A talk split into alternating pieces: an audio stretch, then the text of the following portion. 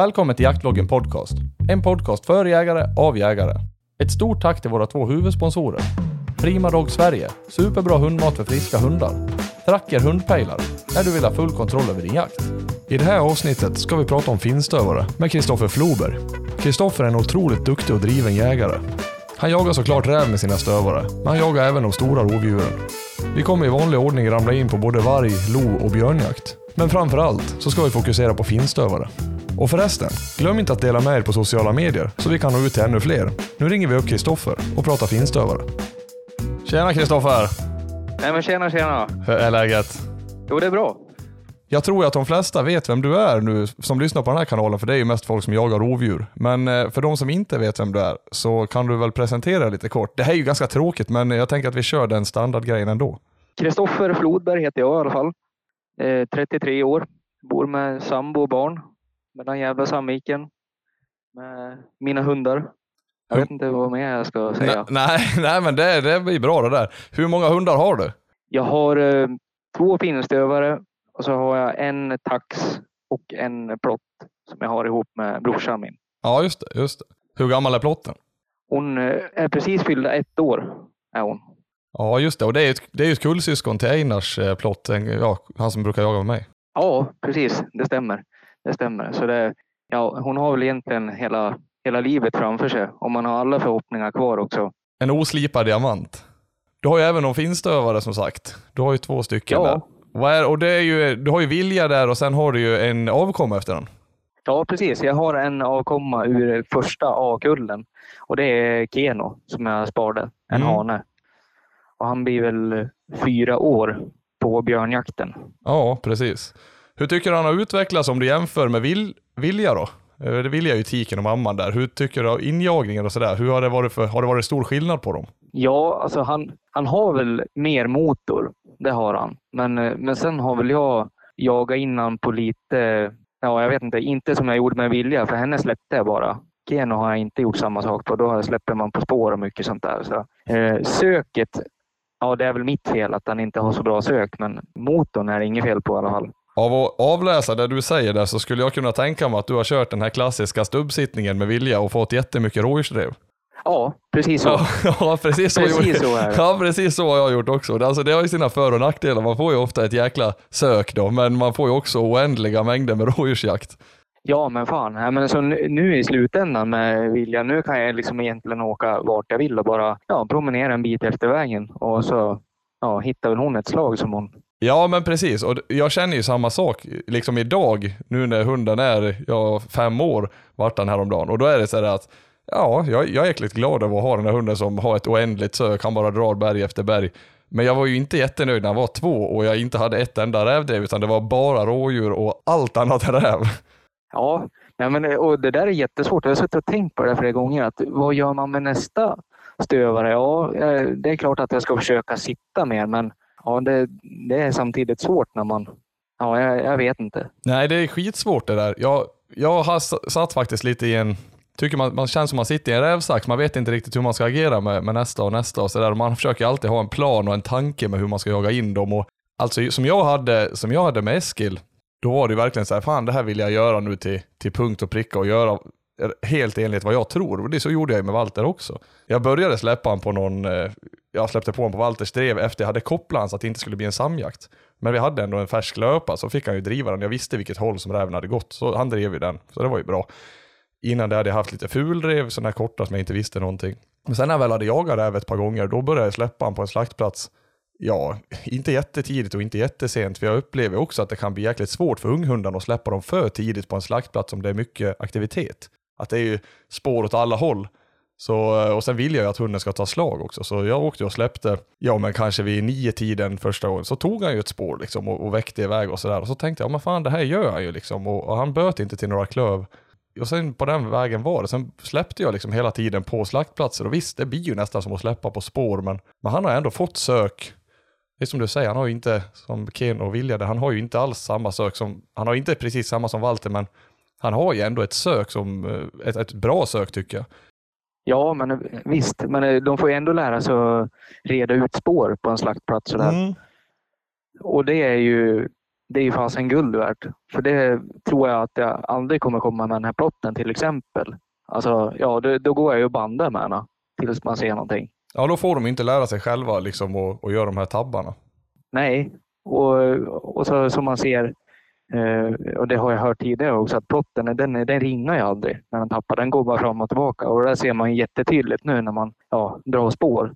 Så det är ju verkligen olika hundar man jagar med. Ja, men precis. Och det är, det är lite kul som du säger, att man, man har ju hört det där mycket, att ja, men plottarna de ringar ingenting, de går bara fram och tillbaka till sina egna spår och, och skrotar. Ja. Och sen när du skaffar en egen plott och sen så får du se det själv också, att ja, den här är så också. Ja, precis så. Ja, men precis. Och, eh, nej, men jag tycker det är lite intressant att prata om det där som du säger också, att eh, det är viktigt för dem att lära sig att reda ut spåren på slaktplatser. För det är många som tar för givet att ja, men någon har sett en räv eller på en, på en vall kanske där den har gått hela halva natten och sen ser man den på morgonen och sen åker folk dit och släpper stövan och vad fasen, ja det här klassiska med synobsar att det aldrig går bra. Men jag tror att det är en stor del också att det är så jäkla mycket spänd stämning, man är het och det är spår överallt och sen har hunden svårt att reda ut vad, vad den ska göra och så blir man, till råga på det så blir man arg också. Ja, men eh, ja, precis så. Och, och det där är ännu känsligare om man är på en eh, licensjakt, var den är. Att, eh, då vill man ju verkligen att det ska gå vägen vid en, vid en synobs eller att, ja, nå- något sånt där. Mm, ja men precis, jo det är ju det. Och kan man komma i de sinnesfulla bruken där man känner att ja men nu ska jag prova den unghunden och sen får folk tycka vad de vill. Då behöver man ju heller inte ha den här stressen som man alltid får när det är licensjakt. Att när, om någon ringer om ett lodjursspår eller vad som helst, kan du komma med din hund? Vi har provat här, det gick inte. Ja men då åker man ju inte dit och provar sin egen unghund för att man vill ju så jäkla gärna att det ska lyckas och att alla ska vara tillfredsställda över att det här gick bra. Ja, precis. Men jag menar, sen samtidigt så hade man, jag vet ju bara själv, vi, vi pratade ju om det där du och jag tidigare, så hade jag kört min unghund mer under Ja. kattjakten så tror jag att det hade kunnat bli ett annat utfall. Jag tror han hade kunnat gjort jävligt bra saker. Ja, men eh, det där ser man ju först när, när alla andra är helt nedjagad. Ja, när, ja, när, när de måste stå, om man säger att tyvärr, jag har inget annat än en ung hund och så, och så går det vägen då. mm. Då blir man ju bara, ja, man, man skulle ha kört den tidigare. ja precis. Det var precis det vi sa förut också. Det, det är ju verkligen så. Jag kände så här, de sista dagarna, då var det ju något släpp liksom över hand och tyckte han gjorde en spårning som var riktigt, riktigt bra. Vad fan släppte jag inte han den där dagen liksom? Ja, ja, ja, men ja, nästa år. Ja, precis. Får se om man har lärt sig något. Ja, det, det återstår att se. Men eh, du, jag vet ju också att du har haft en blandrasstövare i dina eh, yngre dagar. Ja, det har jag haft. Hur tyckte du den fungerade? Ja, jag, jag trodde att den fungerade bra. Tills han var, nu kanske jag säger fel, men jag undrar om han var typ så fyra år när jag skaffade Vilja. Ja, när Vilja var ett halvår ut, ja, inte för att höja henne till skyarna, men hon var ju bättre att ta slag och, och dessutom driva bättre när hon var sex månader. Och hon var ingen, hon var ingen toppenhund när hon var så ung. Men eh, där förstod jag att ah, det, det, här var nog, det här var nog bara skit det här. Han visade lite andra takter, eller hon menar jag. Ja, man, eh, man tycker olika. Vissa gillar vindrivare, men jag tycker inte om det. Eller jag, jag, jag behöver ingen sån i alla fall. Nej, och sen har ju du jagat utan terrier också länge, så att då blir det ju ännu mer så här att ja, men har man en hund som gryter alla rävar direkt, det blir ju inte lika kul. Nej, men ja, det, ja, fy fan vad tid man har bränt på att sitta och vänta på terriers. Mm, det kan jag tänka mig. Ja, vi ska prata lite mer om den där grytjakten senare, men jag förstår det. Och, men den här blandrasen, vad var det för raser i den? Ja, lite Smålandsdövare vill jag minnas. Det var engelsk foxhound och så var det, det var schiller och det var Ja, och skillen eh, tänkte jag att, eh, ja, lika Smålandsdövaren, att ja, men, ja, spårarbete. Men den här engelska foxhounden vet man väl inte så mycket om. Åtminstone inte jag. Jag tror att mycket det slog igenom på honom. Mm. Jag har aldrig hört talas om en engelsk foxhund ens, eller jag har inte jagat med någon. Nej, men alltså, de, de, det är väl sådana här hundar totalt utan sök och så springer de bredvid hästen tills Ja. att räven springer upp framför dem och då jagar de. Ja, det är lite min bild också, att de är gärna 20-30 hundar. Ja, precis. Så det, ja, nej, men det, det var väl ja, ungdomens iver eller vad det Alltså då tänkte man att ja, men vilken hund som helst kan jaga. Men eh, ja, riktigt så bra har man det inte. Lite roligt att du säger det också, för det där hör man ju ibland om man är med kompisar som inte jagar, eller bekanta sådär. Jag har ju en shetland sheepdog hemma och jäklar vad den spårar och ja, den, den tror jag skulle funka bra på räv bara. Mm, det, den har nog inte det som krävs för att jaga räv i alla fall.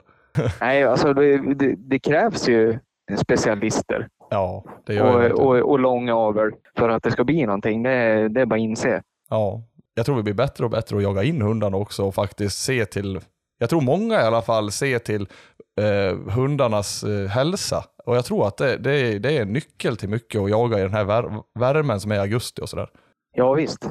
Och inte minst under, under vinterhalvåret när vi har väldigt, väldigt kallt, när det blir de här extrema förhållanden, då tror jag i alla fall att man har igen jäkligt mycket det här att man använder täcke på hunden på vintern och man ger vätskeersättning under sommaren. Jag, jag tror som tusan på det. Ja, det, det är jag också. Och jag, jag har ju alltid med mig täck in på grytorna nu för att jag, alltså man märker att de blir så jäkla mycket fräschare om det drar ut på tiden. Säg att de har jagat två timmar i minus tio. Det är inte jättekul att sitta, sitta bredvid husse då eller? Utan täcke. Nej, nej det är ju inte det. Och jag menar, bara ett, man behöver ju inte ha något sånt där tjockt duntäcke, utan man kan ju ha något bara något, något lätt jättetunt som håller kvar värmen. Ja, precis. Ja, men det räcker med så lite så blir det en jäkla skillnad. Och det går ju fort att få av dem.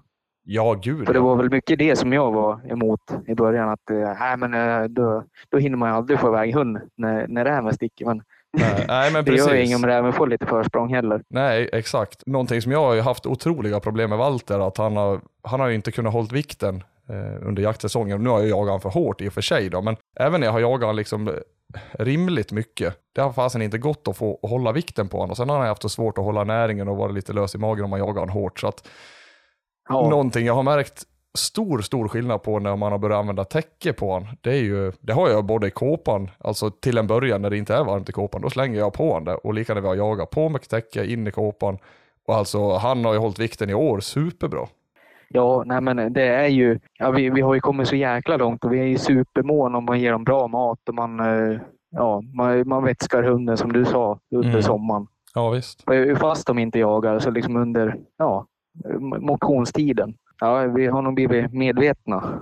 Ja. Vi ska ju prata mycket om, om finstövare tänker jag här i den här podden och när du skaffade Vilja där från att du hade haft den här blandstövan. Vad var det största skillnaden du såg? Var det slagarbetena eller var, var det även drivsättet? Jag förstår ju att den, den hunden var en vindrivare då. Den första där. Ja, det- ja det, det var det. Och, ja, det. Det var väl liksom avsaknad av jaktlust säkert. Eh, om, om man jämför i alla fall. Ja. Men, eh, nej, men det, det var väl ja, men eh, dels spårarbete och så sen var det hela tiden att eh, ja, när, när jag inte visste vad blandstövaren drev, då, då var det så mycket lättare att se på stövan vad, vad hon drev. För där, där fanns det någonting i nå- i något blöt hål eller vad fan det nu än var. Ja, precis. Och hastigheten gillar jag också. Mm. Att det, ja, det gick lite saktare, men det gick också bättre. Och det där du säger, det där första du sa att man, man, ser, man ser vad de driver. Det tror jag inte folk reflekterar jättemycket över, men jag förstår precis vad du menar. Jag tänkte jag ska lyfta det lite grann. Det är ju att när de vindriver så de kan ju ligga 20 meter bredvid löparen och driva och det är ju jättesvårt att se. Ja, driver de rådjur, driver de älg, driver de räv? Man vet ju ingenting. Ja, men herregud. Jag, jag hade ju nog Foxhound och han kunde ligga fan 100 meter bredvid löparen om det var liksom skaplig vind. Nej, det, alltså det, det, det är inget fel, men, eh, men, men så vill inte jag jaga i alla fall. Nej. Och jag, jag, har ju, jag är rätt analytisk av mig själv. Jag försöker ju tänka hela tiden, vad är det som gick fel idag? Hur ska jag kunna ändra det här beteendet och hur ska jag kunna göra si och så med mina hundar? Och vi, Eskil, han var ju under injagningen en, alltså en fruktansvärd vindrivare. Han vindrev nog så fruktansvärt och han drev dåligt dessutom. Alltså han kunde ju ligga typ 50 meter bredvid löparen, det såg jag ju på snön. Du vet när man inte ens hittar rävspåret på, på snön, när man går och letar, då är det så här, hur långt bort ligger han liksom och driver? Vad var han drivit? Ja, visst faktiskt så har jag insett, eller jag har väl kanske inte insett någonting, men nå- någonting som jag tror i alla fall, det är att jag jagade han under några jäkliga förhållanden här i år, när det var alltså storm, det var total storm ute och det var skare. Eh, Jag tror Ja. att det är rätt svårt att hålla ihop dreven då eh, under de förhållandena, och i synnerhet om man vindriver. Ja, det tror jag. också. Det märkte jag, han jagade ju i, i ja, någon gång i fem timmar och sådär. Och det gick ju så fruktansvärt knackigt alltså. Han drev och sen tappt och så drev och tappt. Men alltså det där vart bättre med resans gång tycker jag. För att det var sånt där före rätt mycket i år. Och jag tycker att han vart mer och mer att hålla ihop dreven och drev liksom mer metodiskt. Så att jag tror ändå att man kan ändra om det där beteendet lite grann beroende på hur man jagar. Ja, ja det, säkerligen. Det tror jag. Och de, ja, hunden behöver ju tid för att lära sig. Ja, men verkligen. Det var ju faktiskt en av de här anledningarna till att jag släppte på ja, jäkla skit för egentligen. Och det var ju skara, men ja, just där och då, då så då sprang jag ju uppe på. Då. Och det väl, tycker jag är en fördel med den lilla storleken på honom. Ja, det, jo, det är fint. Jag gillar också små hundar. Hur är Vilja i storleken? Ja, hon är ju väldigt liten. Hon är väl alldeles vid, vid standard. Nu kommer jag inte ihåg vad mankhöjden är på en finstövaratik, men om det är 53 eller någonting som är lägsta och där, där ligger hon. Då är hon ungefär som min smålänning.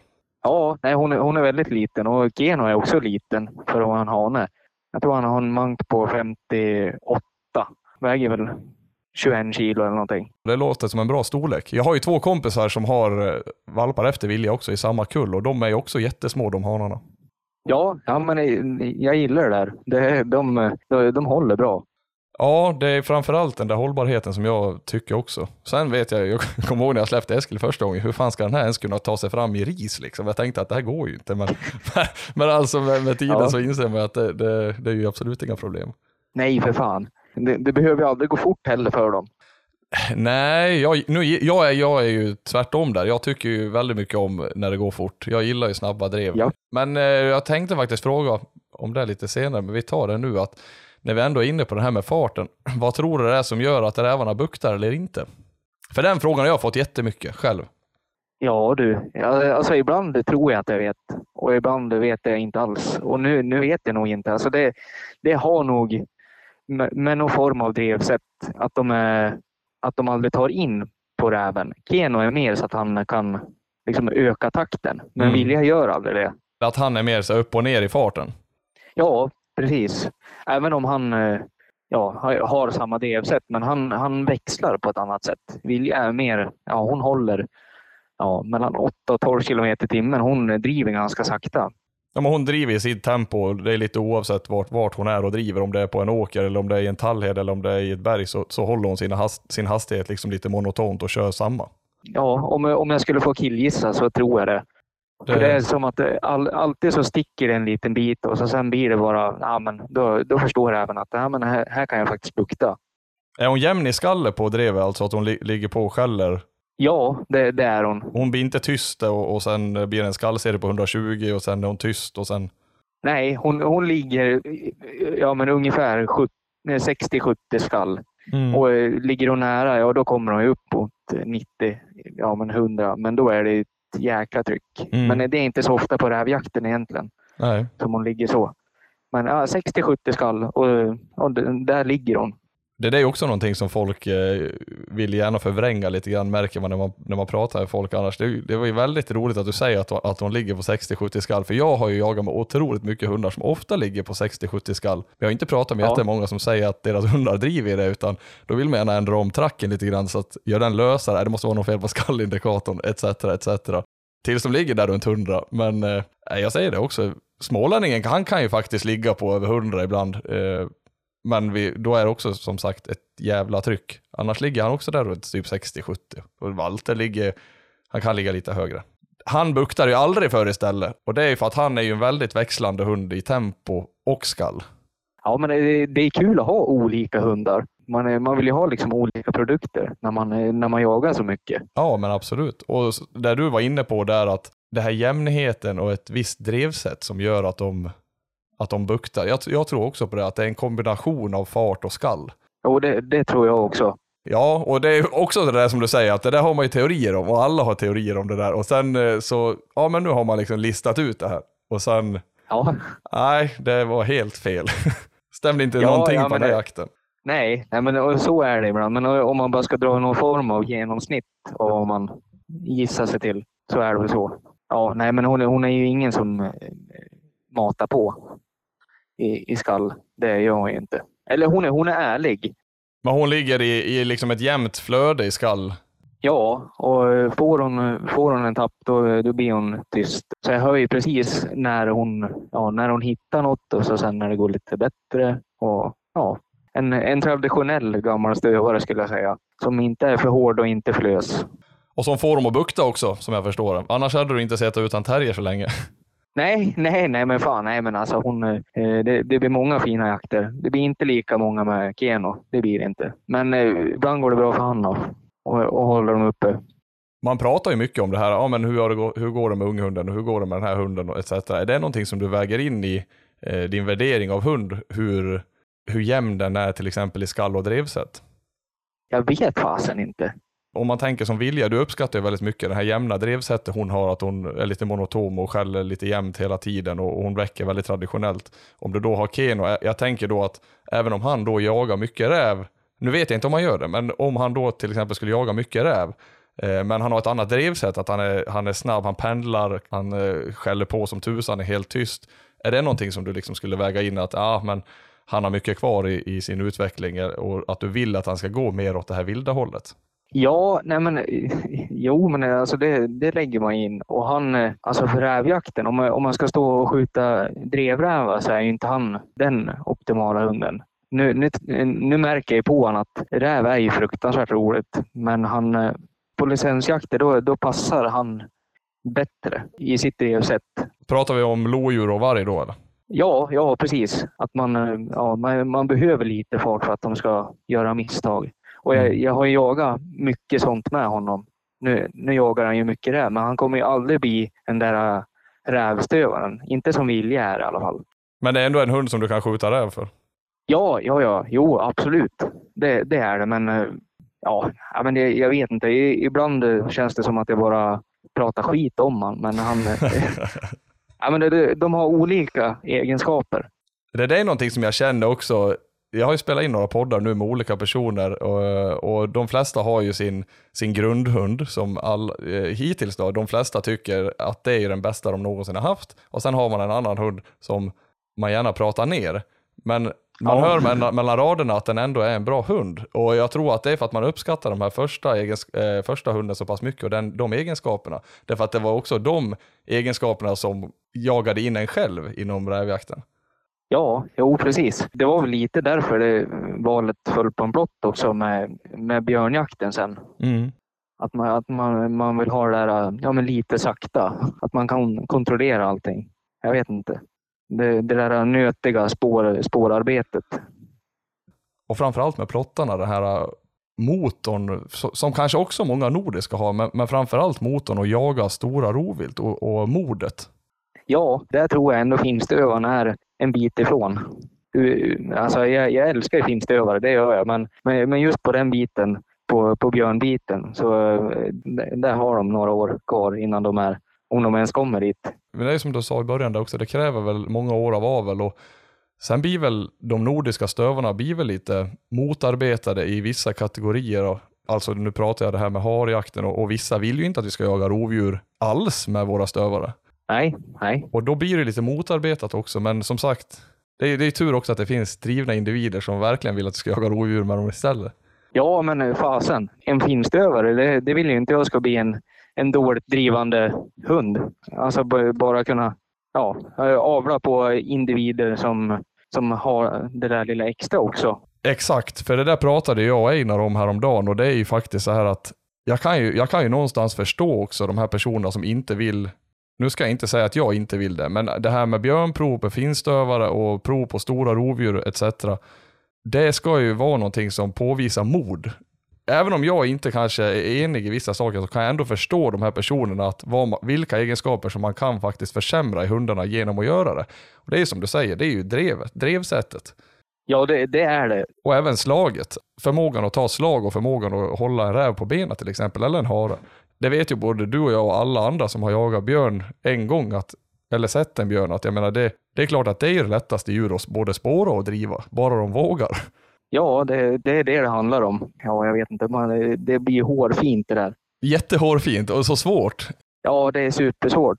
Vi sa ju det, Einar och jag, alltså nu är inte vi några av, jag inte jag i alla fall, inte insatt i någon avel, men tänk att ett scenario där man då ja men man går prov med sin finstövare på björn, men för att få starta på prov så måste den ha ett första pris på räv. Ja, det vore toppen. Ja, då håller man ju ändå kvar att de, de måste kunna driva räv. Ja, ja men för fan. Nej, men, och, alltså, det här med prov tycker jag är skitviktigt. Jag är ju egentligen fel person att säga det, för jag har inte startat på många rävprov, men eh, det är ju det, ja, det är det som bevisar att den är duglig i alla fall. Det finns ju någonting att gå tillbaka till. Ja, verkligen. Det gör ju det. Av en, som Friberg sa, av en oberoende som har dömt hunden. Ja, ja precis. Nej, men eh, det är bra. Men du har ju även jagat med andra stövare. Jag, menar, jag misstänker att du har väl säkert jagat med någon, någon annan nordisk eh, stövare och även amerikanska hundar när det gäller rävjakten. Ja, jajamän. Vad är det du uppskattar hos finstövaren som inte ja, nu behöver du inte hänga ut andra stövare att de är värdelösa, men jag tänker, är det några speciella egenskaper som du, som du värderar i finstövaren? Det är nog spårarbete. Att de, ja, de är nötiga, men de, är, ja, men de jobbar ändå metodiskt. Mm. Det gillar jag. Men jag, jag tror ju säkert att alltså en, en skiller vet jag ju har det lika väl som finstövarna. Alltså de här nordiska är nog ganska lika. För mig föll det bara på finstövare just för att ja, men i början, det var väl de första man såg jagade björn och det var väl, det var väl bara därför jag fastnade för dem. Finnarna är ändå, ja, de har ju sitt rykte om att ha en fruktansvärt hög jaktlust också. Och det kan ju vara någonting som tar över, även om man inte riktigt, riktigt, riktigt har modet så kan ju det vara någonting som tar över och med en injagning då kanske får dem att vilja jaga björn. Ja, nej men fan. Ja, nej men det där gillar jag. Och sen, ja, jag har väl aldrig jagat med en Hamilton räv alltså, men det finns ju många fina hundar där. Skiller jagade jag mycket med när jag var ja, men yngre och de, de var ju skitbra alltså. Mm. Så eh, från början så var det nog bara att det, ja, det, det föll sig på en finstövare. Och sen har jag nördat ner mig på linjer och det är väl bara där jag känner att jag har koll. Eller eh, där jag tror jag har koll i alla fall. Ja, men precis där man är något sådär insatt. Ja. Och då har du jagat en hel del med skiller. Men hur, hur tyckte du att de skillrarna, eh, nu är ju det här om finstövare, men hur tycker du att de skillerstövarna jagade? Alltså om man säger drevfart och etc. Ja, alltså det, det hade jag väl ingen koll på farten då, men eh, det var ju, ja, det, det var ju riktiga rävhundar. Mm. De gjorde det väl lika bra som en, en finstövare egentligen. Och, och, skulle jag bara jaga räv, ja, då, då kanske jag skulle köra en skiller någon gång. Mm. Just för att de, de är ju ja, duktiga att plocka i slag. Jag har ju jagat med väldigt lite skillerstövare, ska jag faktiskt ärligt säga, även om jag köpte skiller. Det som är väl utpräglade skiller är väl att de är väldigt plockiga, som du säger, i slag. De går ganska långsamt på slag, många skillrar. Ja. Och plockar då så att säga. Men jag har ju en hund som under, framförallt innan i år, så har han ju absolut inte varit den där superplockiga slagare. Nu har han väl blivit det mer. Nu har han blivit väldigt mer nu har han blivit mer åt det traditionella skillehållet, att han, att han plockar mycket slag och, och väldigt, väldigt gamla slag. Nästan, nästan att han plockar lite väl gamla. Han kan ju fan med vecka alltså på, på allt känns det som nu. Han har blivit både lösare och, och jävligt mycket envisare på, på slag. Ja. Ja, men, och, och, ja, ungefär så där tänker jag med en, en Schiller. Och sen en Hamilton, de, de vet det ju ibland går lite snabbare. Så det, det är väl liksom mittemellan en Schiller och en Hamilton som en finne är. Mm. Och det, ja, det, det passar mig bra. Ja, och då i och med det här du pratar om slaget också, för det är ju någonting som är jätteviktigt eh, i, min, i min mening för att man ens ska kunna resa några djur. Det är ju det här eh, slaviska slagarbetet och att man, hur man hanterar hinder på vägen fram till upptaget. Hur tycker du att eh, ja, dina finnar har, har fungerat så? Det är väl det som är fördelen, ser jag med mina hundar i alla fall, som jag har att går även eller lodjuret på en stock över vattnet, ja, då, då går hunden där också. Mm. Ja, men de, de, de håller det de sätts på många gånger. Jag, jag, vet inte om det är rastypiskt, men det har jag fastnat för. Mm. Så har det varit med dina hundar? Ja, och det, ja, jag vet inte om det är något, att finna det är så, men mina har lyckats bli så i alla fall. Man pratar ju många gånger om sina egna erfarenheter och vad man själv har upplevt och varför jag tycker att sådana där saker är så otroligt viktiga. Det är ju min skiller, han tog ju aldrig upp en räv förut överhuvudtaget. Fast jag släppte han på rätt fina rävspår. Han gick ändå och spårade i, i liksom kilometer efter kilometer efter kilometer. Och varje gång så var det sådär att fan att inte den där räven låg 200 meter bort. Kan jag aldrig ha tur att räven ska ligga 500 meter bort? Sen inser man liksom att det, det har inte att göra med tur eller någonting, utan det har att göra med att eh, när det väl kom snö sen, då gick jag ju efter i löpan, för jag släppte han på ett rävspår, han kom ut i ett bakspår på en räv. Då tänkte jag, fan då har han tagit fel där någonstans på spåret. Men det var ju inte att han hade tagit fel någonstans på spåret, utan det var att han hade gått i rävspår i 200 meter. Sen hade han bytt ett älgspår, sen hade han gått ett minkspår, sen tog han ett bakspår på en räv och där kom han ut i vägen. Ja, du ser. Ja, precis. Och det blir så här, jaha, här kom facit. Eh, ja, okej. Okay.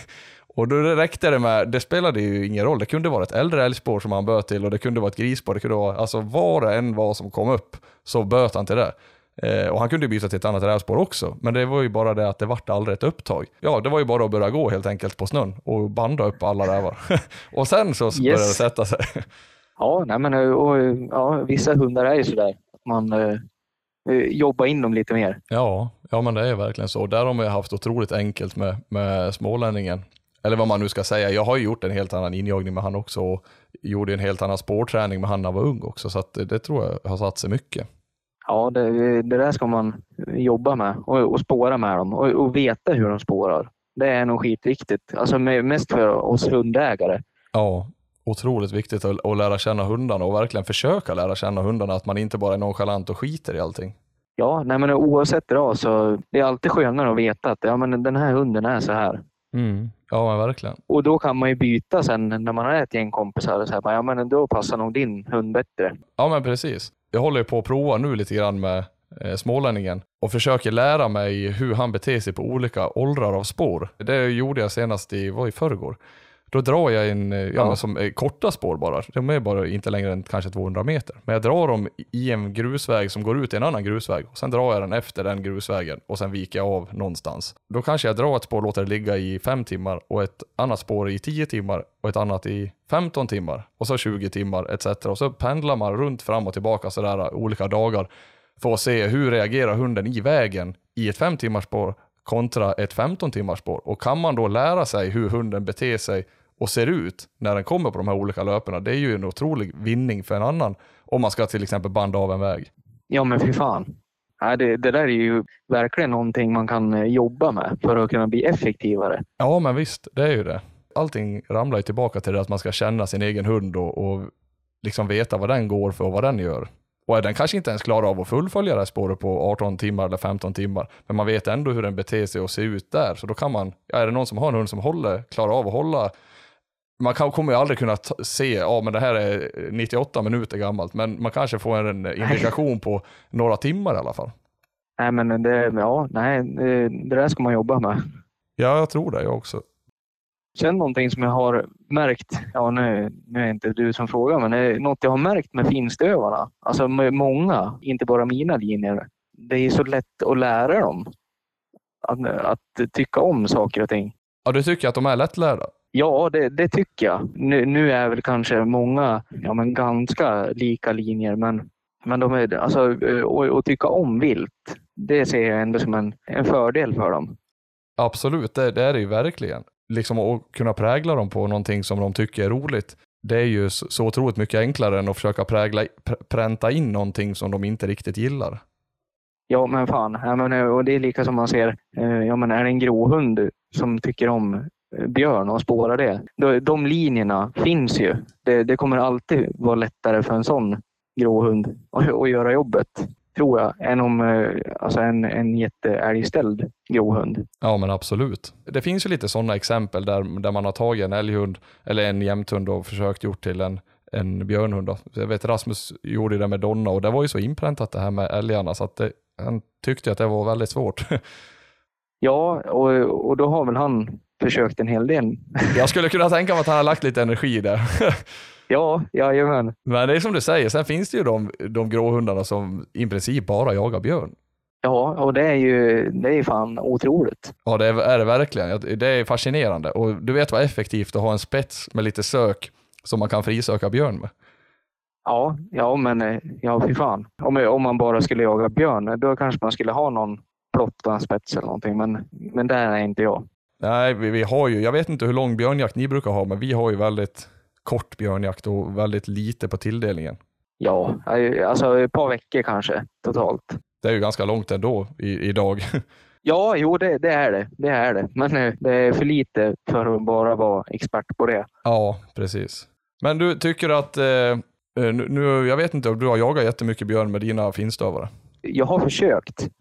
Ja, Alltså, eh, Keno är väl fortfarande att jag har hopp uppe. Han, han tycker fortfarande att det är roligt att driva, men han är väl inte sådär super på att stå med dem. Det tycker han inte är roligt. Vilja tycker inte att det är skoj. Hon tyckte att det var roligt och så vände han och sen nu i höstas då testade jag henne när, när vi såg björnen över vägen och så går jag dit och ska släppa på henne bara för att se om, om hon vill följa med. Då stod hon i vägen och det säger en hel del om henne att nej du, det, husse, det här tänker inte jag göra. ja, exakt den där synen har jag sett på min skillerstövare också. Man släpper och så springer man fram och de kommer ju för de vet att nu är det någonting på gång och så när man kommer på löparen då bara tyck tvärnit. Ja, Vad ska vi göra nu typ? ja men eh, ja, bara titta på henne och försöker säga att nej du, släpp mig någon annanstans du så tänker jag jaga. Men inte här. Nej visst. Och det, det är ju kul också, jag vet samma dag som jag släppte ut eh, Walter på, på den där björnen så tog jag Eskil i band. Han eh, var ju inte mer än, jag kan han ha varit, ja vad var han, fyra månader kanske. Så tog jag han i band i den där löparen och han var ju helt tokig då i oss. Han skulle bara iväg alltså. Då kände jag så här, ja det här är ett bättre ämne än den här Schillerströmer i alla fall. Men, Ja, men jag behöver inte bli arg heller på Walter för att han inte vill jaga björn eller sur eller irriterad. Så det är bara att tänka att nej, det är bara att lägga ner. Han är en duktig även och det räcker. Och sen jagar jag katt också. ja men visst. Man, man behöver inte bli missnöjd så utan det är bara, ja det funkar inte. Nej, för jag skulle ärligt talat aldrig köpa en, en, en nordisk stövare för att ja, men som jag enbart ha till björn, utan det blir ju som en bonus. Men det blir ju en jäkla rolig bonus om det funkar. Ja, ja men fan. Men sen, eh, nej. De funkar ju bra till allting egentligen utom björn. Och sen, sen är det vissa som lyckas hitta de där kornen. Ja, och sen tror jag också mycket att det är tillfälligheter hur det faller sig just i de här, de här första jakterna och det är väl därför de, de här som lyckas tycker att det är viktigt att det ska få skjutas första jakterna och att, att de får jaga småbjörnar och driva och ha kul och att de inte möter på den där honan med tre ungar. Eh, ja, det, det hade man ju velat hört tidigare. Men-. Men alltså, ja, nej, men det, är väl många som går på den niten. Jag blir alltid imponerad när jag ser stövare, framförallt de nordiska. Jag blir alltid lite imponerad när jag ser att de står vid träd och skäller och grejer. För att jag tycker att det är ganska unikt med, med de nordiska stövarna, att de faktiskt trämarkerar. Jag, jag tycker det. Och Jag tycker sällan man... jag ty- Det är allt för ofta man går och letar träd med nordiska stövare, där man inte har en jäkla aning egentligen. Ja, nej, men så, så kan det vara. Och jag vet att jag såg ju på, på Instagram innan vi, innan du och jag ens hade pratat någon gång, så såg jag då eh, att du sköt någon mård för Vilja där och hon stod och skällde och var helt galen uppe i något träd. Och då tänkte jag jävlar fan vilken dröm. Men har hon alltid trämarkerat Vilja? Ja, det, det, det har hon. Alltså jag, jag har inte lärt henne det. Det har hon bara gjort. För första mården som jag sköt, då, då satt hon ju bara under trädet och skällde. Det, var, det var inte så att hon klättrade på stammen. Och det var nog inte så på andra mården heller om jag minns rätt. Men hon, hon satt ju under där vittringen föll ner och, och skällde. Men sen, sen har hon liksom lärt sig själv. Hon, hon spårar upp på trädstammar. Hon, hon, hon ringar precis som en, som en nordisk stövare gör när de inte har spåret. Och så går hon och luktar upp på träna och där, där mården har sprungit upp, ja, där, där skäller hon. Kan det bli lite falska alarm där, att hon eh, skäller uppe i träd om hon inte hittar ut spåret och mården sitter någon annanstans? Nej, eh, alltså jo, eh, om, hon, om hon känner vittring. Men nu hör jag på hennes skall. Hon blir lite vassare när hon känner riktig vittring. Ja, när hon vet att den Det är är skitsvårt att förklara. Ja, jag, jag vet att jag har sagt till någon kompis när man står och lyssnar så bara, ja, men, ja, nu, nu sitter den där. Oavsett om hon inte hittar trädet så kan jag höra. Där sitter han. Det, är, det låter jättekonstigt att förklara men Nej, men jag förstår, även om hon inte ser den så, så har hon så pass bra vittring så att hon skäller ut riktigt. ja, det blir som en skillnad på, ja, ska man säga räv och kattspår. Så må, många hundar är lite vassare när de, när de skäller på lodjur. I alla fall mina. Att de har en annan klang i skallet. Ja, Och det är väl ja, och återigen, man får lära sig hunden. Men eh, ja, det där hörde jag ju inte första åren, men nu har man lärt sig i alla fall. Jo, men det är ju så. Det, det, det blir ju så. Jag, jag hör ju ingen skillnad, typ om det är eh, kattjakt eller, eller rävjakt på skillen till exempel. Det hör jag ingen skillnad alls. Men däremot så, så vet jag att han skäller aldrig på ett djur som står still om det inte är katt, för han jagar inga andra djur som står still. Om man inte kommer i, i, ikapp en räv då, men det, det, gör, det gör han inte om de inte är skadade. Så det är ju som du säger, det är att lära, lära sig hunden. Ja, och återigen, Ja, det är ju det och det ramlar tillbaka till det väldigt ofta, oavsett vem man pratar med. Det är ju det här att man ska lära sig hundarna. ja men fan ja. Hon är, hon är ju tacksam att jaga in andra hundar runt och det är väl, ja, det, det är väl fint. Ja, det är ju faktiskt en, det är faktiskt en bra egenskap och det betyder ju att hon är väldigt slavisk i det hon gör själv. Ja, jo, Som jag förstår det då, i så fall, då är hon inte en hund som, som byter för att den andra hunden byter, till exempel. nej, det är hon inte, utan hon, hon, hon har sitt och, och, det, och det gör hon. Det där märkte jag någonting som jag inte trodde i år faktiskt. Det är ju att jag har ju samjagat skillen så pass lite genom åren. Men nu har det ju blivit en del samjakter med han. Då har jag samjagat med hundar kanske som han, som han litar på och att de kan vinda över tapter och annat så att, eh, ja, så att det går snabbare helt enkelt. Och det är ju en egenskap som jag värdesätter beroende på vad man jagar. Men, men även när man samjagar med hundar som man inte litar på till exempel så kan det ju även bli andra djur. Och det, det trodde jag faktiskt inte om man, men eh, det fick jag uppleva i år. Ja, du ser. Men eh, ståndskallsegenskaperna, eller vad man ska kalla det då, har, har vi, som Vilja och Keno, har de alltid tyckt om att stå på ståndskall eller är det någonting som de har tyckt varit jäkligt jobbigt från början? Det där har fallit sig helt naturligt för dem. Den biten har jag aldrig haft pro- problem alls med. Ja, förutom Björn då. Ja, men precis, men det blir lite det allsmäktiga. Ja, det, det får vara ett annat kapitel. Det är, ja, det, det är svårt. Det kan ju hända så mycket på de stånden känns det som att eh, det blir väl helt enkelt jobbigt att jaga det mest skräckinjagande viltet vi har för dem. Ja, men ja, jo, man, man förstår dem ju. Sen kan jag själv tycka nästan att jag kan ju nästan hellre släppa på en björn än eh, till exempel ja, något annat djur. Om man säger en järv till exempel kan ju orsaka ett jäkla skit för en hund som inte förstår trä till exempel. Jag menar, om en järv, stor järv har hoppar ner och stövaren går där och letar efter ett spår, då blir det det här överraskningsmomentet som verkligen inte är positivt för en hund. Nej, det är det inte. Och det, jag, jag tror fan att en björn är snällare än ett lodjur till och med. Jag har ju funderat lite grann på det där också. Jag upplever ju att katterna kan ju vara jävligt el, de kan ju vara Ja, de kan ju vara jävligt hård på hundarna. Det har nog jäkligt mycket med hunden att göra också. Ja, jo, men det, det är det ju. Så länge de hå- håller sig utanför den här comfortzonen på katterna så känns det som att de, de löper ingen större risk egentligen. Nej, nej visst. Då, då blir det väl de där, uh, antingen är de unga och dumdristiga eller så... Har de fått för mycket självförtroende? Ja, precis. Precis.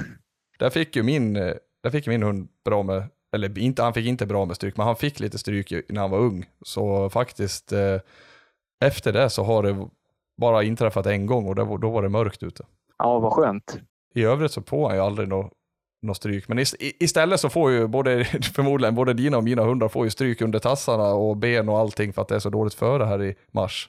Ja, jo, jo, fasen. Eh, Så är det. Och sen katterna, man, man vet att även om de bara får en liten reva så vet man att ja, då blir det massa medicin och det är, ja, det, det är alltid massa lort de där klorna. Det är ju det. Det kan, det kan ju bli ett jäkla skit. Det ska man ju vara noga med och alltid försöka ha med sig något och göra rent på en gång. Om, om det så bara är så här sårtvätt med spray så det, det gör ju en jäkla skillnad.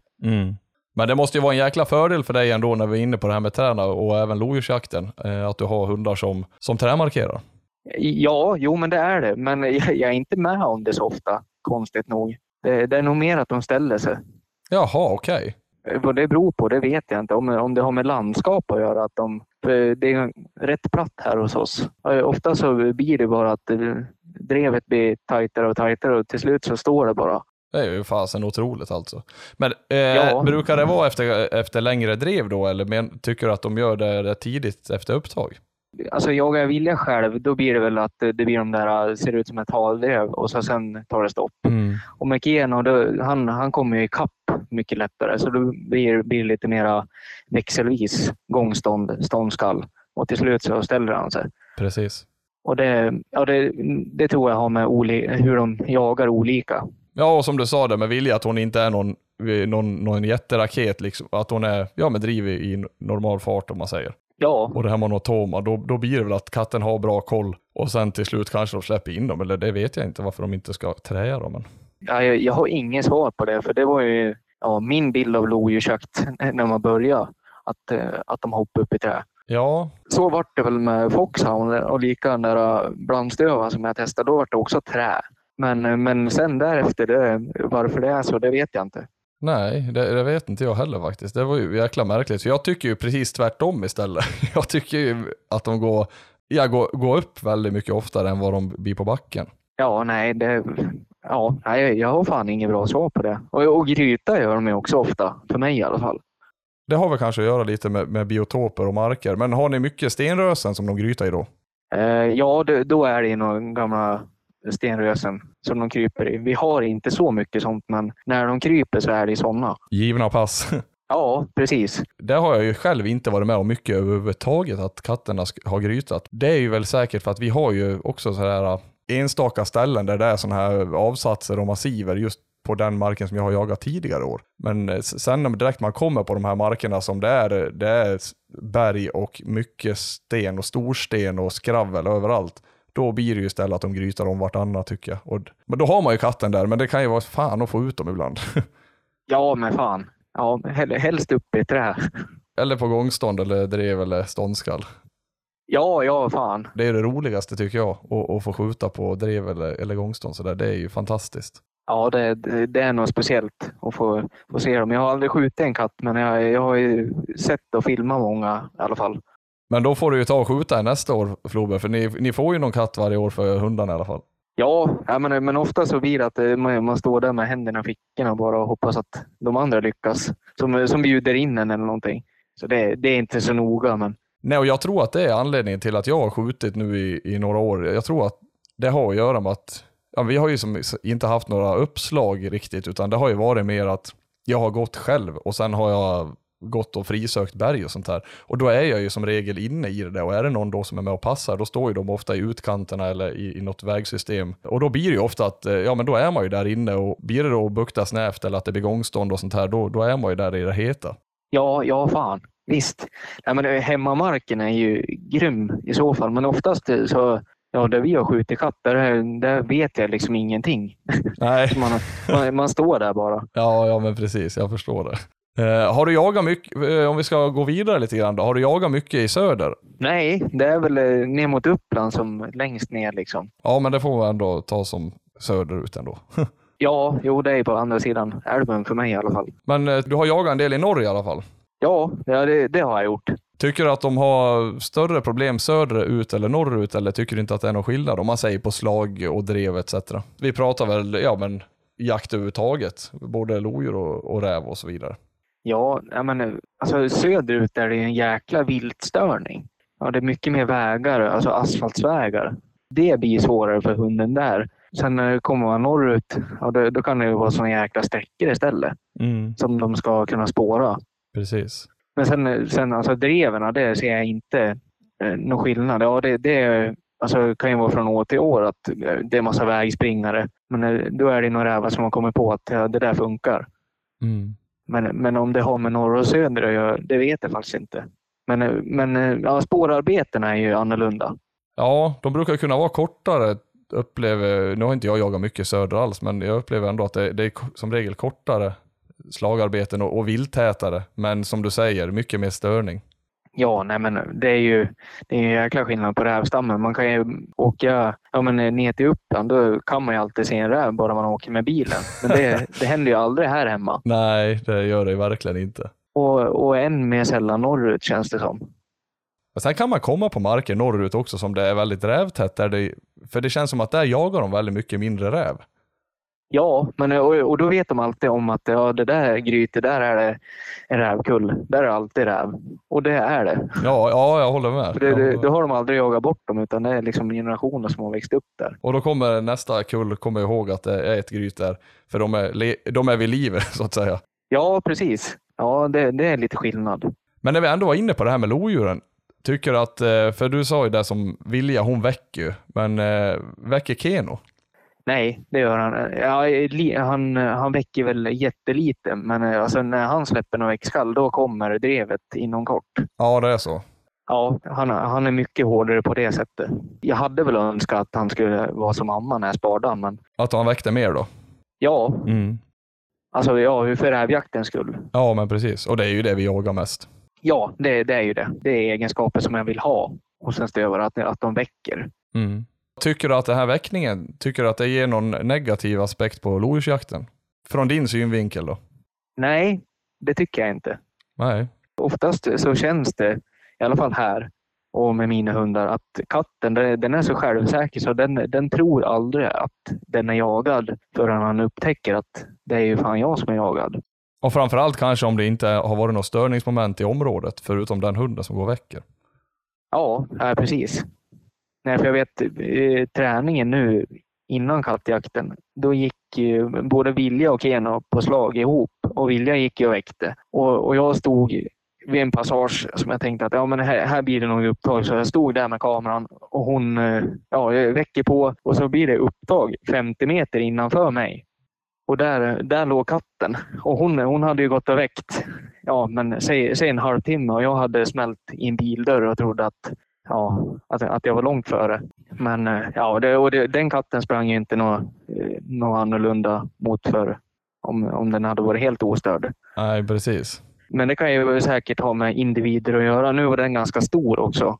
Ja, för jag vill prata lite grann om det där också. Det har ju att göra med att det är många som har lyssnat på föredrag och så här med ja, men som Rasmus och även eh, om jag säger Robert eller folk som jagar lite mer norrut eller runt Sveg där det är faktiskt, ja, där man har metervis med snö, där det är egentligen omöjligt att jaga katt med, med en hund som väcker och en som går relativt långsamt. Och det, det kan jag ju ta, jag kan ju förstå det, men samtidigt så är det så att Många, många tänker ju då kanske att de kan inte jaga lodjur om de har en hund som väcker, men så är ju inte fallet. För alltså jag har ju jagat lodjur ändå i, ja, i några år och jag har ju i princip alltid jagat med stövare som har väckt. Här omkring tycker jag aldrig att det har varit ett problem, för att vi har inte det. Ah, det skulle vara när det är den här skaren som är 3-4 decimeter och sen ligger en skarhinna på det som skär sönder hundarna så att man inte vill ha en lång jakt etc. Ja visst, det går jättetungt för stövan och katten går uppe på, då kan det vara en nackdel. Men det är ju inte ogörligt. Nej, nej det är det inte. Det där har ju bara att göra med att har de jättemycket snö så att stövan går i 0,1 till 1 km i timmen på slag och så går de då och väcker, ja då hinner ju katten iväg kilometervis liksom från, från stövan. Har man bara ett normalt före så då är det ju inga problem alls, upplever inte jag i alla fall. Nej, det, det gör inte jag heller. De är, de är ganska, ja men jag vet inte, lättjagad. Jo, jo tyvärr, eller vad man ska säga. Ja. Det är ju så jävla fascinerande djur, men det där med väckningen, framförallt om de går mot en bergvägg eller där det är mycket avsatser och sånt här. Jag har upplevt då, om, om som Walter väcker ju ganska rikligt på katt då, det är att om han går och väcker, ja då kan de flytta sig från legan. Men det är ju inte så att de flyttar sig och så drar de spiken i fyra kilometer, utan de kan ju hoppa iväg på en annan avsats. Så sitter de och lyssnar och kikar lite grann. Sen går de upp kanske och ställer sig på en stock. Så står de där och kikar lite grann. Ända tills stövan kommer ikapp och då får man ju det vanliga upptaget ändå.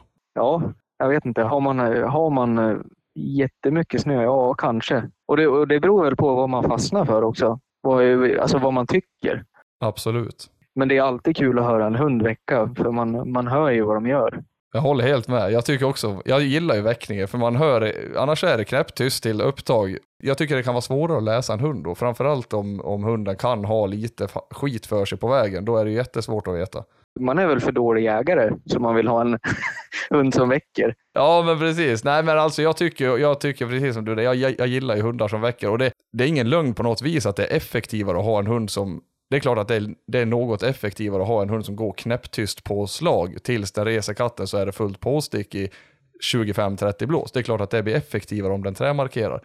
Men det är också en, eh, det är ju även någonting som, eh, för mig i alla fall, så är det någonting som hämmar rävjakten. Om jag hade valt att ha en sån hund.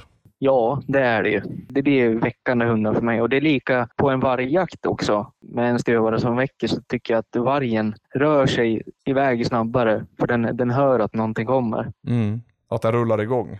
Ja, och, och så är det ju oftast väldigt mycket passkyttar som då också hör.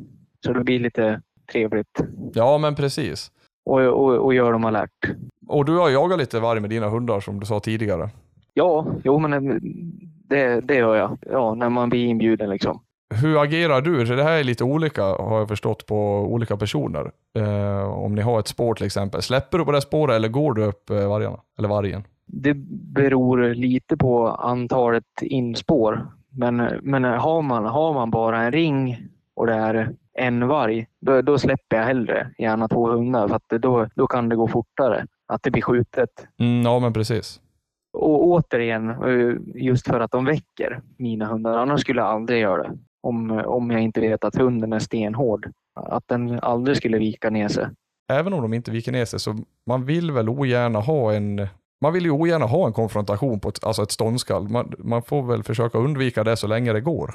Ja, visst. Oftast så nej men, blir det väckskall och ja, då rör de på sig. Men om det är mer än en varg i en ring?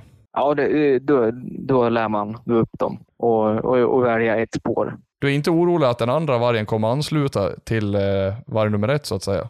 Man kanske skulle vara det, men jag, jag har inte varit det någon gång. För jag, jag har bara märkt att eh, ja, de har inte gått ihop. Och, och, det kanske har att göra med att det är väldigt mycket folk också, säkert. Säkert. Annars kan de nog göra det, att de söker upp varandra. Och framförallt tror jag om det, om det blir någon skyddsjakt eller sådär, när det är lite runt, ja, runt parningen eller sådär, då tror jag man ska vara lite försiktig för då vill de ju gärna hålla ihop. Ja, man ska aldrig bli bekväm med någonting. Nej. Alltså med vargjakten, för det, det kan gå så jäkla fort åt fel håll. Det är ju verkligen så. De, de är kan, tuff. ja, de är ju det. Och det kan ju vara guld och gröna skogar och det har gått bra fem gånger under en licensjakt och sen den sjätte då. Det är ju, de, är ju så, de är ju djur alltså. Så att det är Ja. som du säger, man ska alltid vara lite på tå. Oh ja. Och, och sen oftast, så- man vill ju aldrig att det ska gå fel heller. Man, man vill ju inte ha de där långa jakterna, helst på en vargjakt. Just för att vi, vi har inte så många timmar att jaga heller Nej, precis. med ringningsarbete och då vill man att allting ska bara gå felfritt. Och då är det tacksamt att det är sån uppslutning på vargjakten. Ja, oh ja. Så ja, egentligen så är det hundarna i sig krävs det inte så mycket av i början vid, vid en sprängning. Då, då kan många hundar jaga, men sen eh, blir det drev och ståndskall och det inte blir skjutet i ljuset och, och man inte får tag i hundarna. Då, det är då det är viktigt att, de, att man vet vad man har. Ja, verkligen. Det, för det där har jag själv varit med om och, och fått hund stående med, med varg i, i kolmörker och det, det är ingen jättetillfredsställande känsla. Nej, det är det inte. Och det, det är svårt med, när man är många folk och ja, man, man har lite unghundar som någon vill prova. Men ja, ha, ha två rutinerade i alla fall så att de kan hjälpa varandra. Precis. Och sen kan jag faktiskt tycka så här att folk har ju hela året på sig att faktiskt prova och träna sina hundar. Ja, Man behöver ju inte göra det när det är licensjakt, för det är ju faktiskt så här att det är en licensjakt och det är x antal individer som ska plockas bort under en koncentrerad tid. Det vore väl fan om det vart tio vargar kvar i ett område bara för att någon skulle prova sina unghundar. ja nej, men det, det har man liksom inte tid med. Nej. Och jag skulle själv inte vilja, jag skulle själv inte vilja släppa, vad säger om jag, om jag har en hund som funkar bra som jag vet, jag skulle inte vilja släppa den själv då med, med en ung hund för risken Nej. att den ska bli själv. Nej, då, då, då får det nog vara för min del i alla fall. Sen är, kan jag ju ta, om man har provat, om man vet att hunden har jagat ett par gånger eh, och så kanske man inte vill träna när man är ut själv eller man kanske inte vill prova för mycket själv för risken att det ska bli någonting. Då kan jag ju förstå att ja, men den här hunden har jagat några gånger, den har gjort det skapligt. Nu hade det varit kul om det varit skjutet. Och det är ju ett perfekt Ja, tillfälle. Absolut, absolut. Det svåra är väl om man inte känner människorna egentligen. Är man ett gäng kompisar, ja, då är det mycket lättare för då, då vet man hela tiden vad, vad som finns. Det är jättesvårt om någon kommer med en hund som jag aldrig har sett. Precis. Annars har man ju många gånger jagat med den hunden. Ja, och då, och då tänker man att ja, men det är klart att den här går. Och som många säger också att driva det gör ju de flesta stövarna. Men det är ju som du säger att uppstår det problem och strul och det drar ut på tiden och blir mörkt. Då, att, det kan ju ta tid att bara få igen hundarna. Ja, ja visst. Och då vill man gärna att de ska ha så säkert som möjligt och gärna i, i form av då sällskap av en hund som man kan lita på. Ja, ja, det, ja det, det är viktigt att kunna ha det där. Ja, en rävhund får man inte fram bara lite hux flux. Så blir man av med en hund, då, ja, det vore ju väldigt tråkigt. Ja, det, det ligger ju så otroligt mycket timmar bakom, bakom hundarna alltså så att det, fy fasen. Det får inte hända. Nej visst, då få en, säg, få en femårig stövare som faktiskt går bra, få den tagen oavsett om det är på rävjakt eller vilken jakt det är eller påkörd eller vad som helst. Vilken, vilken jävla mardröm alltså.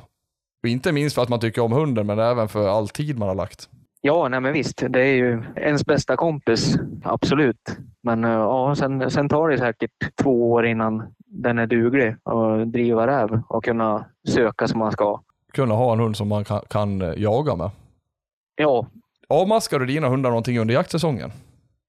nej, det gör jag inte, men innan gör jag det. Sen, eh, sen försöker man ju ja, men, hålla koll och sådär.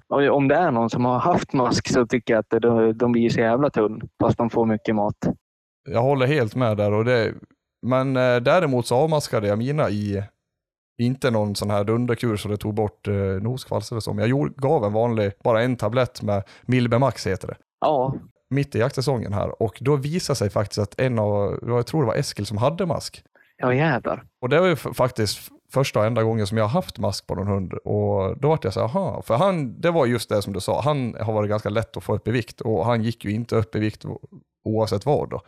Jag gav ju alla det, men ja, han hade ju mask då så att det slog sig också lite grann på fokuset och allt annat. Så det var, vart lite skillnad efter det.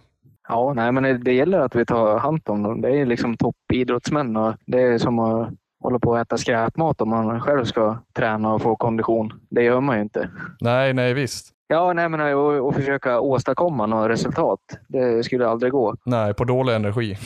Ja, nej, visst. Mat, vila, vatten, värme. Ja, det, det ska funka. Ja men verkligen. Och att de får ligga, jag menar har man dem ute i hundgården om dagarna när man jobbar eller vad som helst, det är ju 10-15 minus, se till att de har det varmt. Så att de Ja. inte bränner onödig energi. För jag, jag kollar ju mycket på det där att hur mycket energi, hur mycket energi går det till skit? Det är ju väldigt viktigt för en hund som har svårt att lägga på sig. Absolut. Eh, och när man har börjat reflektera lite över det där, då, ja faktiskt, det, det är kul när saker ger resultat. Det är väldigt roligt. Ja, och ska man hålla på och jaga mycket, då lär man ju nörda ner sig på detaljer. Ja, men faktiskt, faktiskt. Det, är- och det är kul, det är därför som är roligt med de här poddarna också, att jag gillar ju att prata med nördar, alltså folk som, och folk som lyckas är ju ofta det. Ja, precis så är det. Jag tänkte faktiskt, det har inte pratat någonting just om i de andra poddarna, men eh, hundfoder, vad ger du dina hundar? När vi ändå är inne på det här med näring och energi. Jag ger mina, eller inte alla, men eh, trollhundfoder ger jag mina och det tycker jag de eh, håller jättebra i vikt och ja, men ser fin ut. Mm. Och sen, eh, sen ger dem även eh, kombinerat, alltså färskfoder. Jaha, du ger färskt också? Ja, eh, emellanåt. Ja, men försöker blanda. Gör du det året om också? Ja, det gör jag. Året om. Keno, han har väl varit lite känsligare för han har väl Ja, han äter monster och det ska vara ett foder som ja, för lite sådär känsliga magar, för det har jag haft problem med. Och han har blivit jäkla mycket bättre alltså. Ja. Har du fortfarande problem med magen med han ändå? Nej, det har jag inte. Det är skitbra nu faktiskt. Skitbra i benämningen. ja, precis. Jag kom på det när jag sa det. Ja. Men det här fodermonster då, är det ett eh, lågenergifoder? Nej, de, de har ett högenergifoder, och, men nu började jag, kommer inte ihåg vad det hette, men det var en grön säck i alla fall som jag började med. Och nu kör jag uh, lite ljusblå, det är någon så här hög energi och det håller han bra på. Så uh, troll var inte någonting för honom. Undrar varför? Ja, det, det vet jag inte. Det där är lite intressant för jag har ju funderat på om det kan vara så att, ja men säg som eh, Keno då, du kanske började med direkt efter valpfoder, det har varit högenergifoder och färskt för att man vill vänja in dem i det samma vana som de andra hundarna har, som man många gånger gör. Ja, Den biten, där vart det för häftigt så det, ja, magen kraschar. Man får ett magras och sen blir inte det där riktigt reparerat. Det kanske hade hjälpt att gå ner på ett lågenergifoder för han för att liksom jobba upp den här magen och kanske ge psylliumfrön som jag förespråkar otroligt mycket och få, få eh, rätt balans då i magen igen och sen gå tillbaka till det här successivt sakta och se om det kanske hade funkat. Att man behöver bara en reparation av magen. Jag vet inte om det fungerar så, men jag har tänkt på det själv. och det gör det säkert. Nu är man ju så jäkla feg, men man, man, man kör ju på det som funkar. Mm, jo det blir ju så. Men har du provat psylliumfrön någonting? Nej, jag har aldrig hört talas om det heller faktiskt. Alltså Walter, han, han är ju lite så här fortfarande, även om jag har ett foder som funkar åt honom nu, han är ju bra i magen på dagligen så att säga. Men jagar jag han hårt, så han går lite upp i varv och han har ju en jäkla lust också, så får han sitta i hundkåpan en dag och sen kanske dagen efter också, vi inte har några uppslag eller ja, sådana här saker. Han är ju så uppe i varv alltså, sen får han jaga några dagar. Då blir han dålig i magen och det börjar lukta illa om avföringen och sådär. Även om skit luktar inte gott, men det, det blir en onaturlig eh, odör.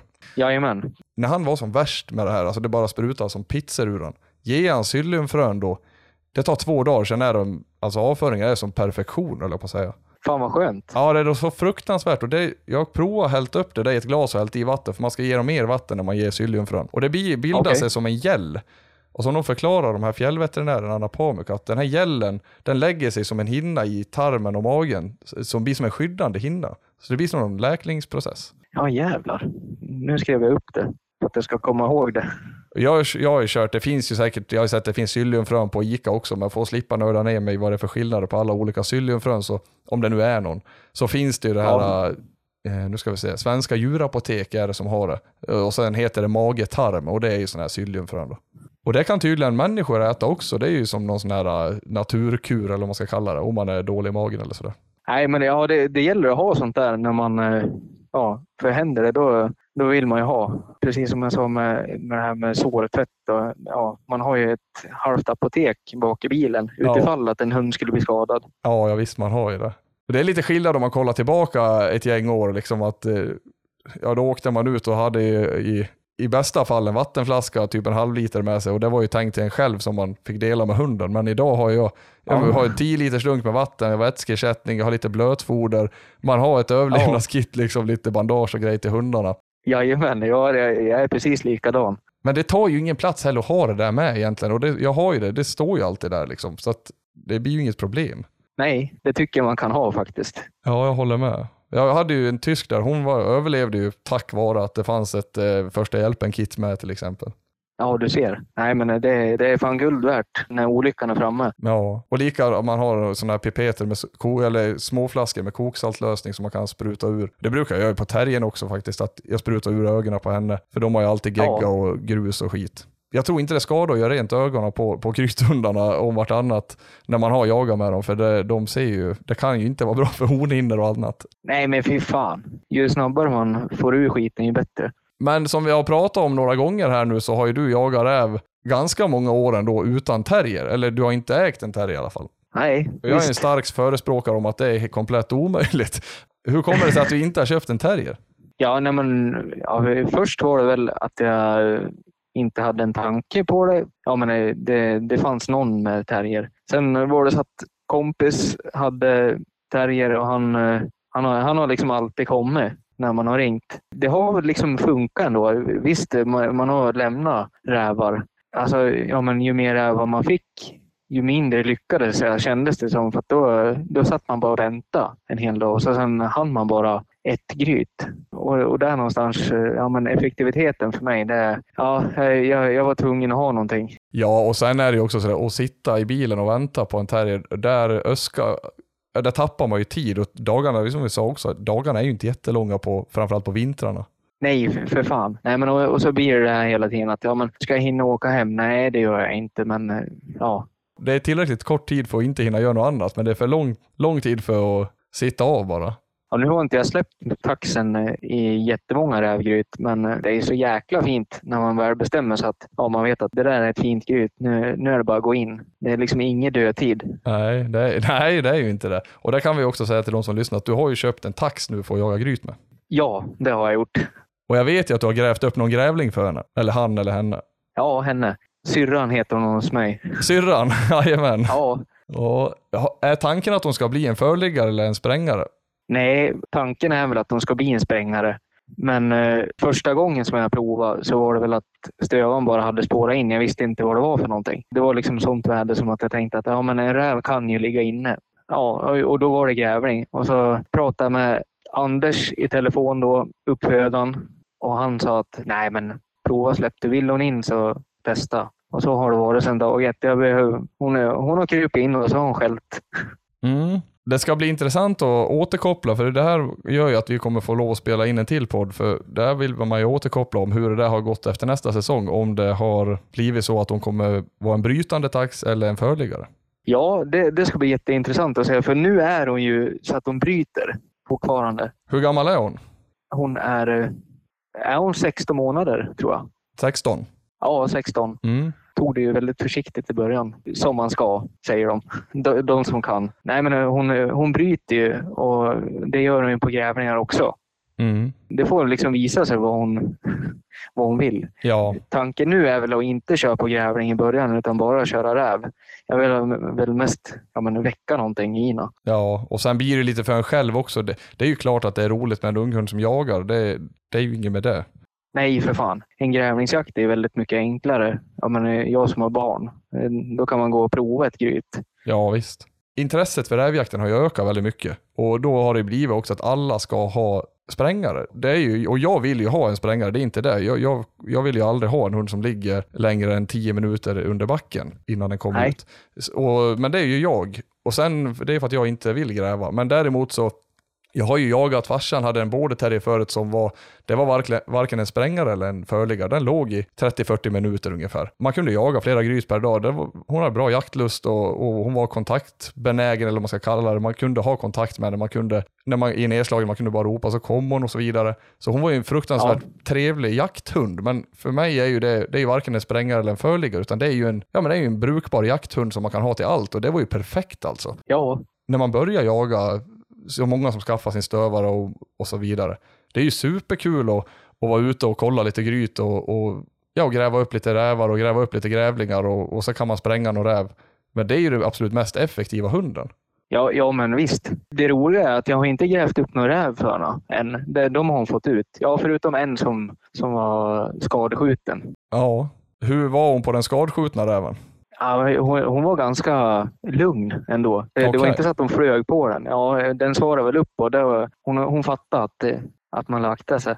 Det är ju jäkligt bra för har man en hund med mycket pulver i, men det ser man ju ganska tidigt om det är lite överdrivet tryck i dem. Ja, Då skulle jag i allra högsta grad avråda att släppa till exempel på, om man vet att det är en eh, skadskjuten räv eller att det är en skabbräv eller en, att man vet att här har det gått en kull, det här är högst troligt en årsunge i, i, i augusti. För då är det ju lätt att tända den där delen, den här modiska delen som framförallt tyskarna har. ja men eh, visst. Nej, men hon hade fått något bett av någon grävling tidigare så att jag såg ju det där att hon var, ja inte idiot. Nej, men det är ju perfekt. Ja, Och återigen som vi sa tidigare, att det gäller ju att läsa sina hundar och det, det kan ju du. ja, jo, men det är ju det är lika, alltså det är egentligen samma sak ovan som under jord. Och, och kunna läsa och inte ha en för, för het hund. Det vill nog ingen ha. Nej, det finns väl några som vill ha det, men, men nej, som sagt, jag vill inte ha det. Men däremot eh, tänkte jag höra, har du lydnad på henne? Eh, nej, det har jag inte. Jag, vi, vi har försökt. Vi, vi trodde ju första veckan att hon, ja, hon kanske var döv, taxen. ja. Eh, Och det är väl den stora nackdelen. Hon är ju fullkomligt självständig. Mm. Men i grytorna så är de bättre. I alla fall när man eh, ja, står vid grytorna. Men eh, nej, annars är det, ja, det, det finns ingenting. Jag, jag vet inte hur jag ska göra. Jag är för dålig hundägare. Ja. Hon är, hon är bara ja, hon, är, hon är som en tax. ja, sur tax. Hon kör sitt eget. Ja, och det, det har hon gjort sedan dag ett. Mm. Så vi, ja, när, när vi släpper ut henne här på gården hemma, då lär vi ha en pingla på henne. Så Ja. att man hör vart hon är. För hon, hon kommer aldrig.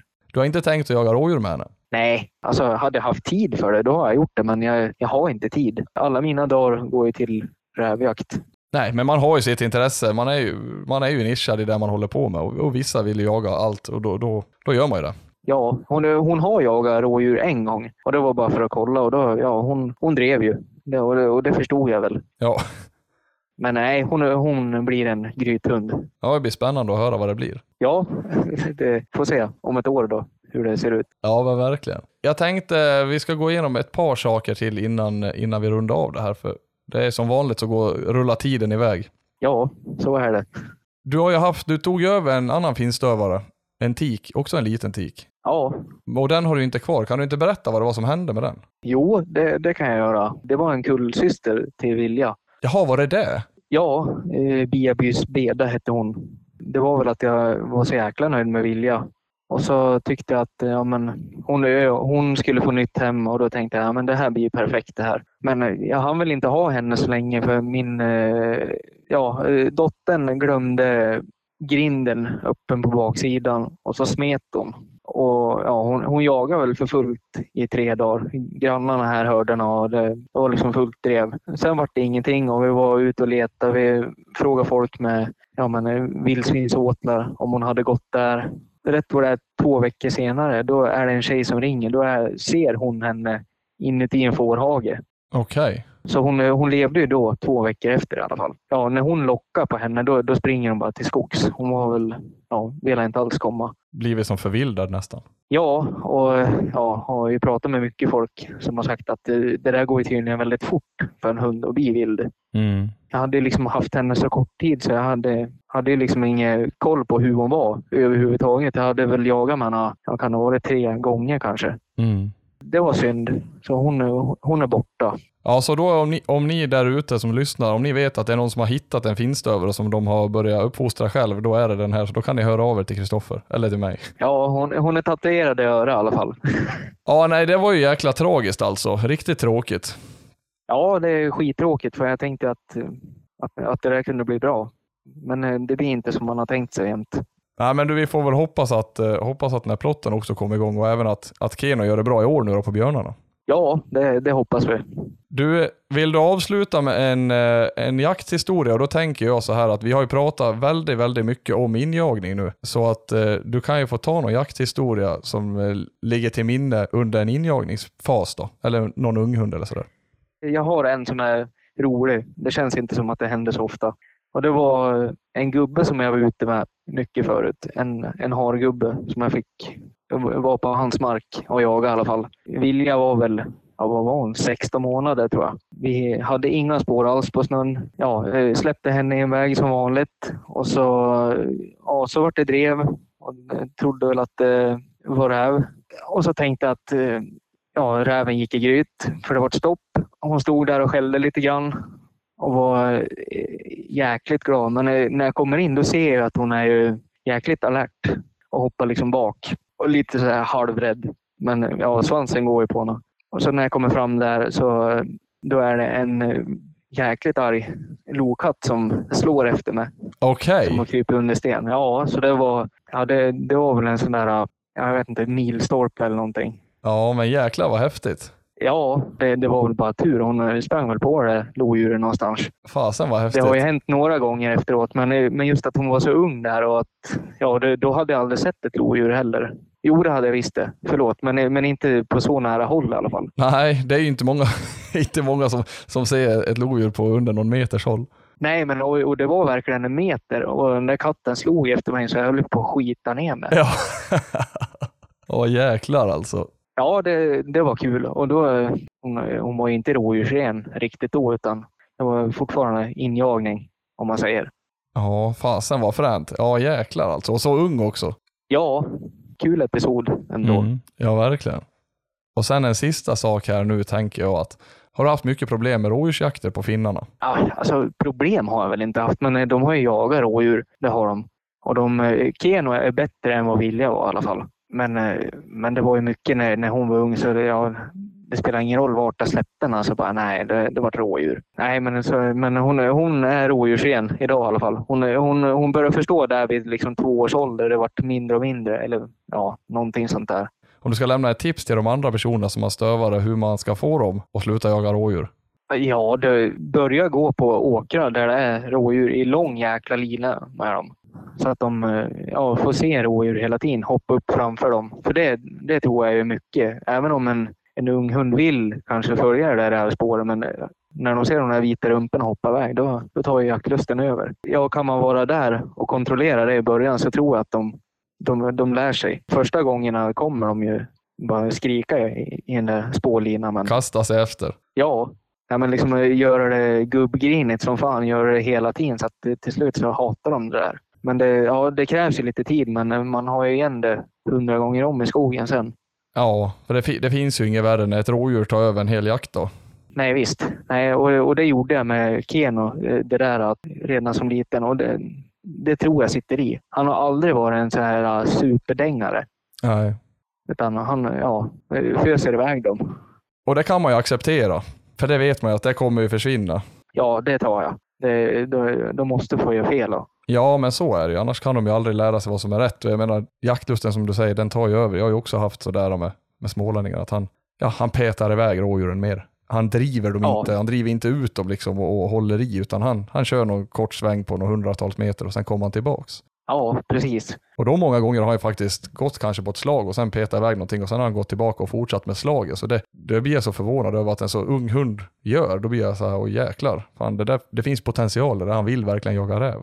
Ja, ja men eh, det där ska man ju verkligen ta tillvara. Mm. Nej, men eh, det där tror jag. Och så ja, men just lång spårlina så att eh, kopplet är inte spänt hela tiden. För annars är det ju jämnt spänt när man går ut på en åker. Då tror de ju att det är ja, jakt på gång. Ja, ja men precis. Och man är lite spänd själv också, vad ska det här bli nu?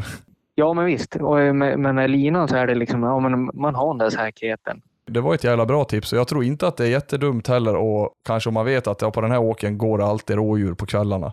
Att man lägger, Ja. lägger en rävsvans eller någonting och drar ett spår i åkerkanten. Man går där och ser de här rådjuren och sen när de håller på och rycker och ska efter att man kanske till slut när de slutar med det så går man då och kommer på det här rävspåret och får dem att tycka det är roligare. Och sen ett kort spår på kanske 100 meter så kommer man till den här belöningen. Och vi sket i rådjuret, vi fick en belöning för räven. Precis, ja, men fan. Det är ju skitbra om man kan göra så. Och så just med den här långa linan att Husse, han, han går åt det där andra hållet. Han är, Husse är långt ifrån. Han står inte där som ett eh, stöd. Utan Husse står vänd åt andra hållet. Precis. Då ska nog kanske helst vinden ligga bortåt så att man inte tror att de efter, ska efter det här rådjuret och så egentligen så står de och vindar den här rävsvansen så börjar man typ på någon korrigering där. Då har man ganska snabbt börjat korrigera Ja. dem på räv.